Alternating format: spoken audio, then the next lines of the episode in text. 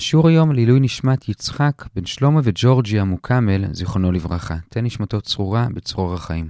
השיעור גם לעילוי נשמת אביה של אחת הלומדות, שלמה זלמן, בן משה אלימלך אנגרמן, זיכרונו לברכה, שיום פטירתו היום, כ"ד שבט לפני כ"ד שנים, יהי זכרו ברוך. נודה לכולכם, תלמדו לעילוי נשמתם.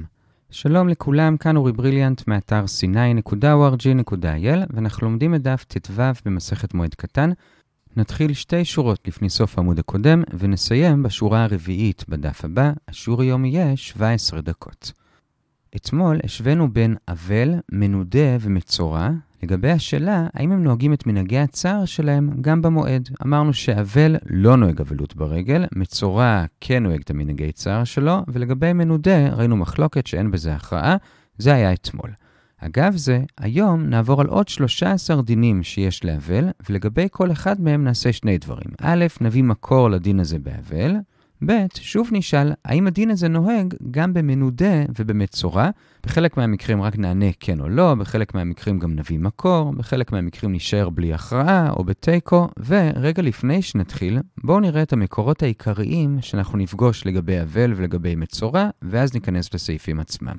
אז לגבי אבל, אין לנו מקור מפורש בתורה לאבלות, יש בכלל מחלוקת ראשונים אם אבלות זה באמת מדאורייתא או לא, אבל בכל זאת יש שלושה סיפורים שמהם כן אפשר ללמוד על מנהגי אבלות. סיפור אחד זה שאחרי שנדב ואביהו מתו תוך כדי חנוכת המשכן, אז משה אומר לאהרון ולבניו הנותרים שהם לא יכולים להתאבל כרגיל. מה הוא אומר להם? ראשיכם אל תפרעו ובגדיכם לא תפרומו. ומזה שהוא אומר להם אל תעשו את זה, כנראה שאבלים רגילים, במצב אחר שהם לא באמצע חנוכת המשכן, כן אמורים לעשות את זה. אז זה מקור אחד, פריעת הראש ופרימת הבגדים. כמובן בהמשך נראה מה לומדים מזה, זה סיפור אחד. סיפור שני זה שהשם אומר ליחזקאל להתחתן עם אישה, ואז הוא אומר לו שהיא תמות, וגם כאן הוא אומר לו, אתה לא תתאבל כמו שמתאבלים בדרך כלל, ככה כתוב ביחזקאל כ"ז, ולא תספוד, ולא תבכה, ולא תבוא דמעתך.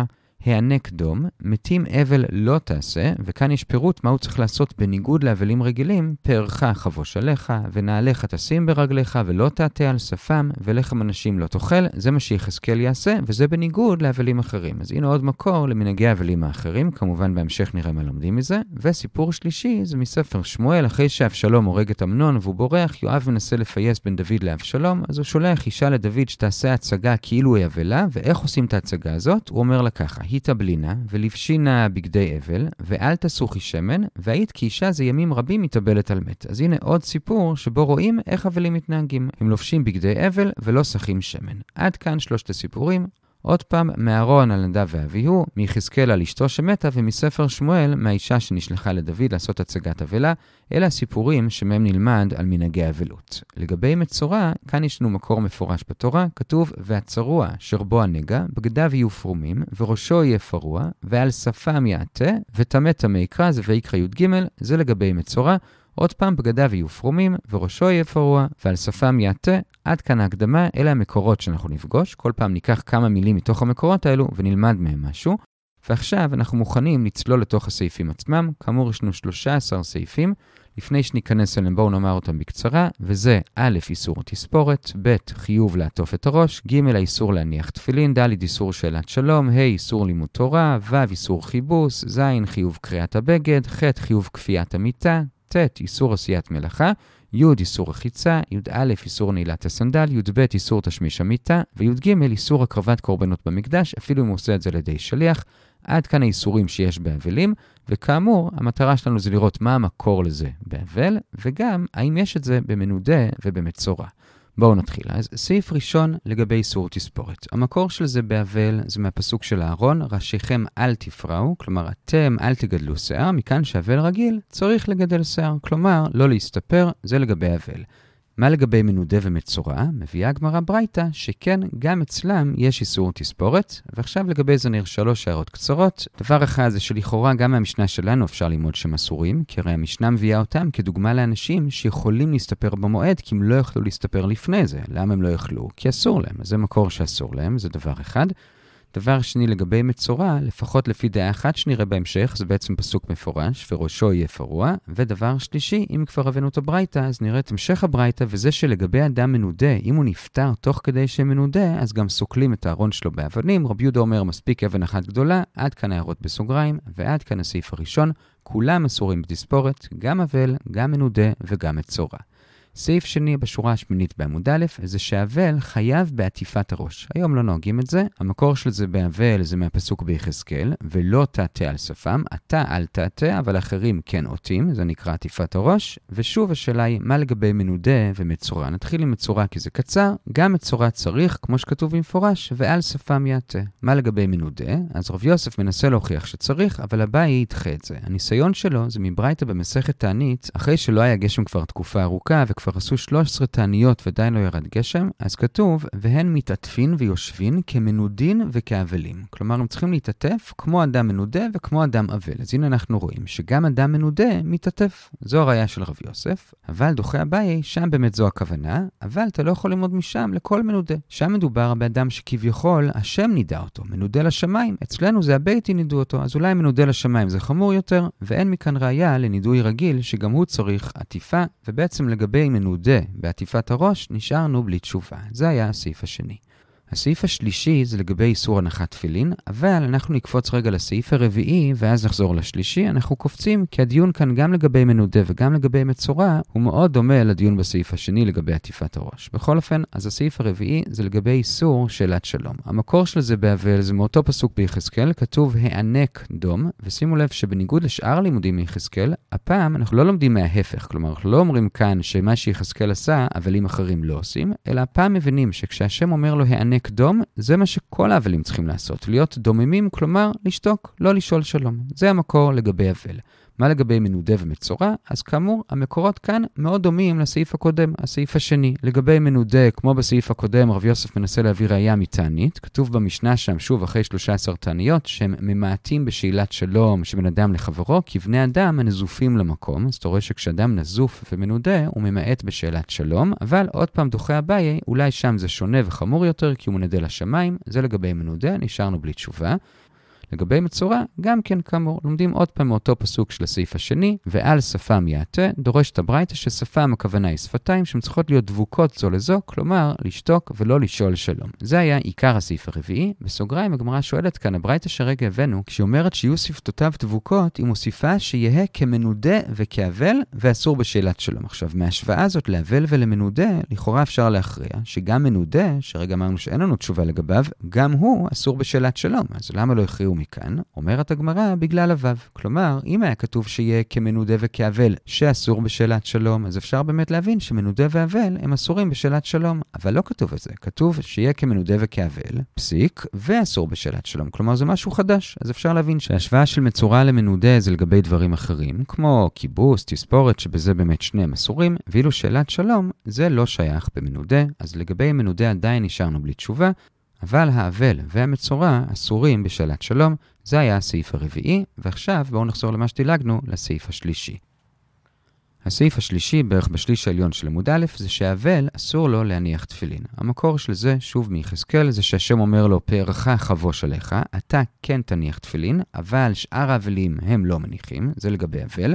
לגבי מנודה, הגמרא מיד נשארת בתיקו, ולגבי מצורע, שוב יש ניסיון ללמוד שגם הוא אסור בזה, אבל דוחים את הלימוד. הניסיון ללמוד זה ממחלוקת איך להבין את מה שכתוב במצורע, וראשו יהיה פרוע. רבי אליעזר אומר שהכוונה היא לגידול שיער. כמו שמקודם באמת אמרנו, שאסור לו להסתפר, אבל רבי עקיבא אומר שהפסוק לא מתייחס לדבר שהוא חלק מהגוף שלו, כמו השיער, אלא שיש משהו שהוא מחוץ לגוף שלו, שהוא צריך לא לשים על הראש. איזה דבר יש על הראש שהוא חוץ לגוף? אומרת הגמרא, תפילין. אז הנה ראיה שלפחות לפי רבי עקיבא, אבל אסור בתפילין. זו הראייה, אבל דוחה רב פאפה, לא. אולי הכוונה היא לא לתפילין, אלא לאיזשהו כובע או סודר חשובים שהוא צריך להוריד והוא צריך להתעטף רק באיזושהי טלית פשוטה, אבל אין מכאן ראייה שהוא צריך להוריד גם את התפילין. אז שוב, לגבי מצורע ולגבי מנודה, לגבי תפילין, נשארנו בלי הכרעה. אז זה היה הסעיף השלישי, את הרביעי כבר ראינו, ועכשיו אנחנו קופצים לסעיף החמישי, זה בשליש התחתון של עמוד א', וזה שהאבל אסור בדברי תורה. המקור של זה ביחזקאל, זה מדרשה שכבר ראינו ביחזקאל, הענק דום, מקודם למדנו שהוא צריך לא לשאול שלום, עכשיו לומדים מזה שגם צריך לא ללמוד תורה. לגבי מנודה ומצורע, הגמרא מביאה ברייתות שאומרות שזה מותר, במנודה הברייתא לא מביאה מקור, היא פשוט אומרת שמותר ללמד אותו, מותר ללמד אחרים, כמובן עושים את זה במרחק של 400, כי מנודה, אבל זה מותר. במצורע, הדגש של הברייתא זה לא מצורע, אלא ללמד שבעל קרי לא לומד תורה, כי לימוד תורה צריך להיות כמו במעמד הר סיני, מתוך אימה ורטט, ובעל קרי חטא בעניין הזה. בכל אופן, תוך כדי אומרת הברייתא שמצורע כן יכול ללמוד. אז בקיצור, אבל לא לומד, אבל מנודה ומצורע לומדים. זה היה הסעיף החמישי.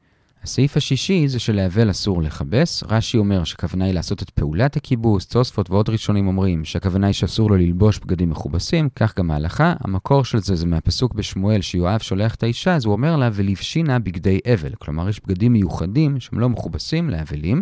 לגבי מנודה ומצורע, יש ברייתא שאומרת שגם הם אסורים. זה ברייתא שכבר ראינו מקודם בסעיף הראשון לגבי איסור תספורת, וזה היה הסעיף השישי. הסעיף השביעי, שלוש שורות לפני סוף עמוד א', אבל חייב לקרוע את בגדיו, כמו שכתוב לגבי אהרון, ובגדיכם לא תפרומו, אתם לא, אבל אבלים אחרים כן. לגבי מנודה ומצורע, אז במנודה הגמרא מיד נשארת בתיקו, מצורע גם כן חייב פסוק מפורש, בגדיו יהיו פרומים, זה הסעיף השביעי. סעיף שמיני זה לגבי כפיית המיטה. יש דין מיוחד שאבל צריך לכפות את המיטה, כלומר להפוך אותה. היום לא נוהגים את זה, זה מיטות שונות. בזמנם היו יושבים על המיטות ואוכלים עליהם, זה הסוג של ישיבה מכובדת, זה לא מתאים לאבל. וכאן אין לנו מקור, אלא פשוט סברה מברייתא שמביא בר כפרה. דמות דיוקני נתתי בהן, השם ברא את האדם בצלם אלוקים, בעוונם הפכתיה. כלומר, הם עשו חטאים ולכן יש מוות בעולם, הם הפכו את הסדר הנכון, ולכן הם גם צריכים להפוך את המיטות. כפו מיטותיהן עליה, זה לגבי אבל. לגבי מנודה ומצורע, הגמרא מיד נשארת בתיקו, זה הסעיף השמיני. את שלושת הסעיפים הבאים, שמתחילים בשורה השלישית בעמוד ב', נראה ביחד, כי הדיון לגבי שלושתם, לגבי מנודה ומצורע, הוא ממש זהה. האיסורים שבסעיפים אלו זה עשיית מלאכה, רחיצה ונעילת הסנדל.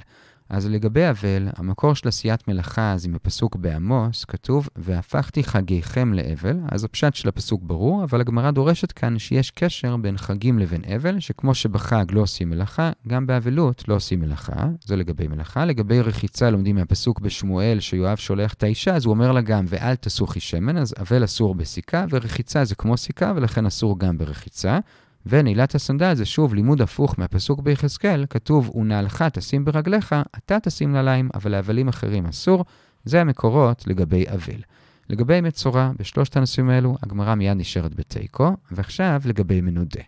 בשלושת הנושאים, הגמרא מביאה אותה הוכחה, וזה מברייתא במסכת תענית, שמדברת על המעבר מהשלב הראשון של התעניות לשלב השני, והיא אומרת שבשלב השני יש שלושה דברים שבהם התעניות יותר חמורות, וזה איסור עשיית מלאכה, רחיצה ונעילת הסנדל.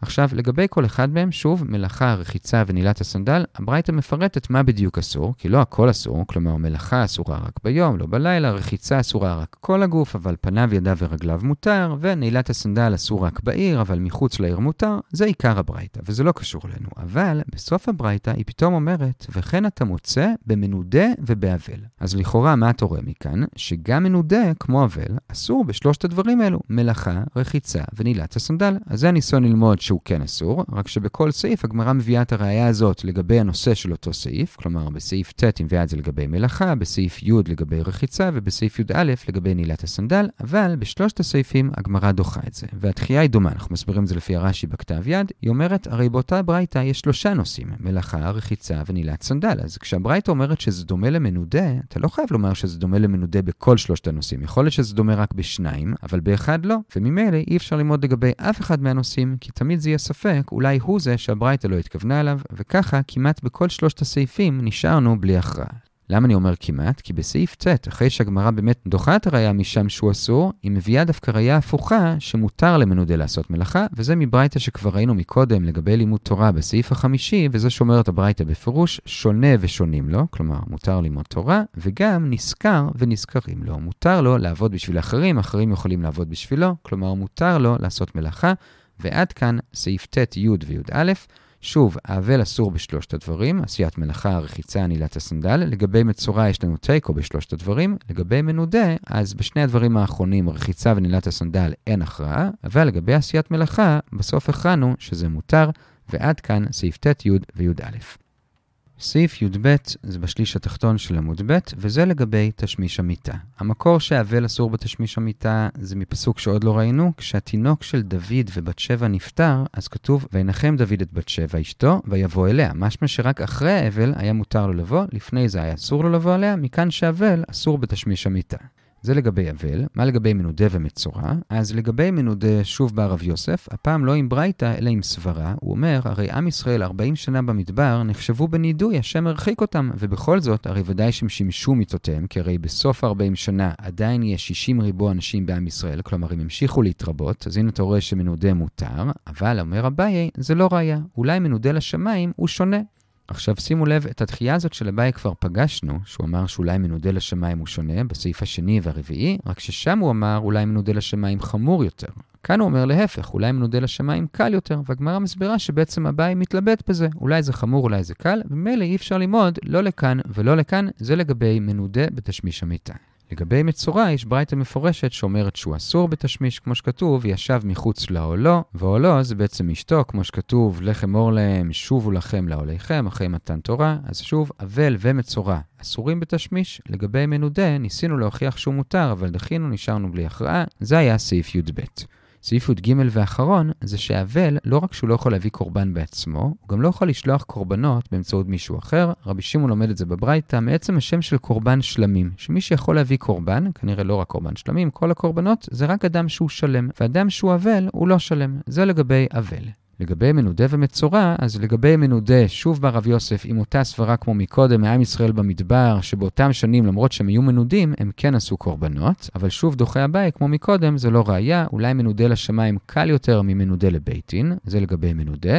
לגבי מצורע, לומדים את זה מפסוק אחר ביחזקאל, לא הפסוק שדיברנו עליו עד עכשיו. הפסוק אומר ככה, ביחזקאל מ"ד, ואחרי טהרתו, כלומר מטומאת מת, שבעת ימים יספרו לו, וביום באוהל הקודש, אל החצר הפנימית, לשרת בקודש, יקריב חטאתו וכולי. אז הברייתא דורשת את החלקים השונים של הפסוק, מה שמעניין אותנו זה הסוף. וביום באוהל הקודש, אל החצר הפנימית וכולי, יקריב חטאתו. על מה זה מדבר? אז יש כאן שני הסברים, רבי יהודה ורבי שמעון, ולפי רש"י לפחות, משניהם אפשר ללמוד שמצורע לא שולח את הקורבנות שלו. איך לומדים את זה? אז רבי יהודה אומר, החלק הזה של הפסוק בכלל לא מדבר על טומאת מת, שזה הנושא הכללי שם, אלא על מצורע, שאחרי שמצורע מסיים וניתר, אז הוא חוזר למקדש, ואז, אם הוא כהן גדול, הוא גם יכול להביא את הקורבן המיוחד שלו, שזה עשירית העיפה, מה שנקרא מנחת חביתין של הכהן הגדול, משמע שעד עכשיו הוא לא יכל להקריב את זה. כלומר, הוא לא יכול לשלוח את הקורבנות שלו למקדש. זה לפי רבי יהודה. רבי שמעון דורש את זה אחרת, למרות שהמסקנה היא אותה מסקנה. הוא אומר, הפסוק כן מדבר רק על טומאת מת, והסוף הזה של הפסוק בא ללמד אותנו בדיוק את אותו עניין, שמתי הוא יכול להקריב קורבנות? רק כשהוא ראוי לבוא למקדש. לכן כתוב, וביום באוהל הקודש וכולי, יקריב חטאתו. אבל כשהוא לא ראוי לבוא, כשהוא עדיין טמא, בין אם זה טומאת מת, בין אם זה מצורע, אז הוא לא יכול להקריב קורבנות, גם לא לשלוח אותם על ידי מישהו אחר.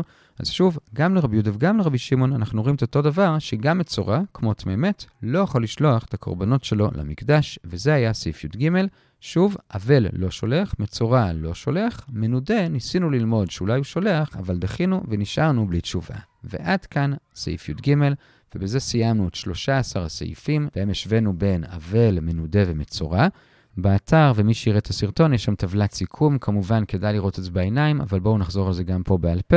קודם כל, סעיף א' וסעיף ו', שזה איסור תספורת ואיסור כיבוס, בשני הדברים האלו אמרנו שהם שייכים גם באבל, גם במנודה וגם במצורע. אלה בעצם שני הסעיפים היחידים שהם ברורים לנו. שוב, תספורת וכיבוס, שלושתם אסורים בהם. זה לגבי א' וו'.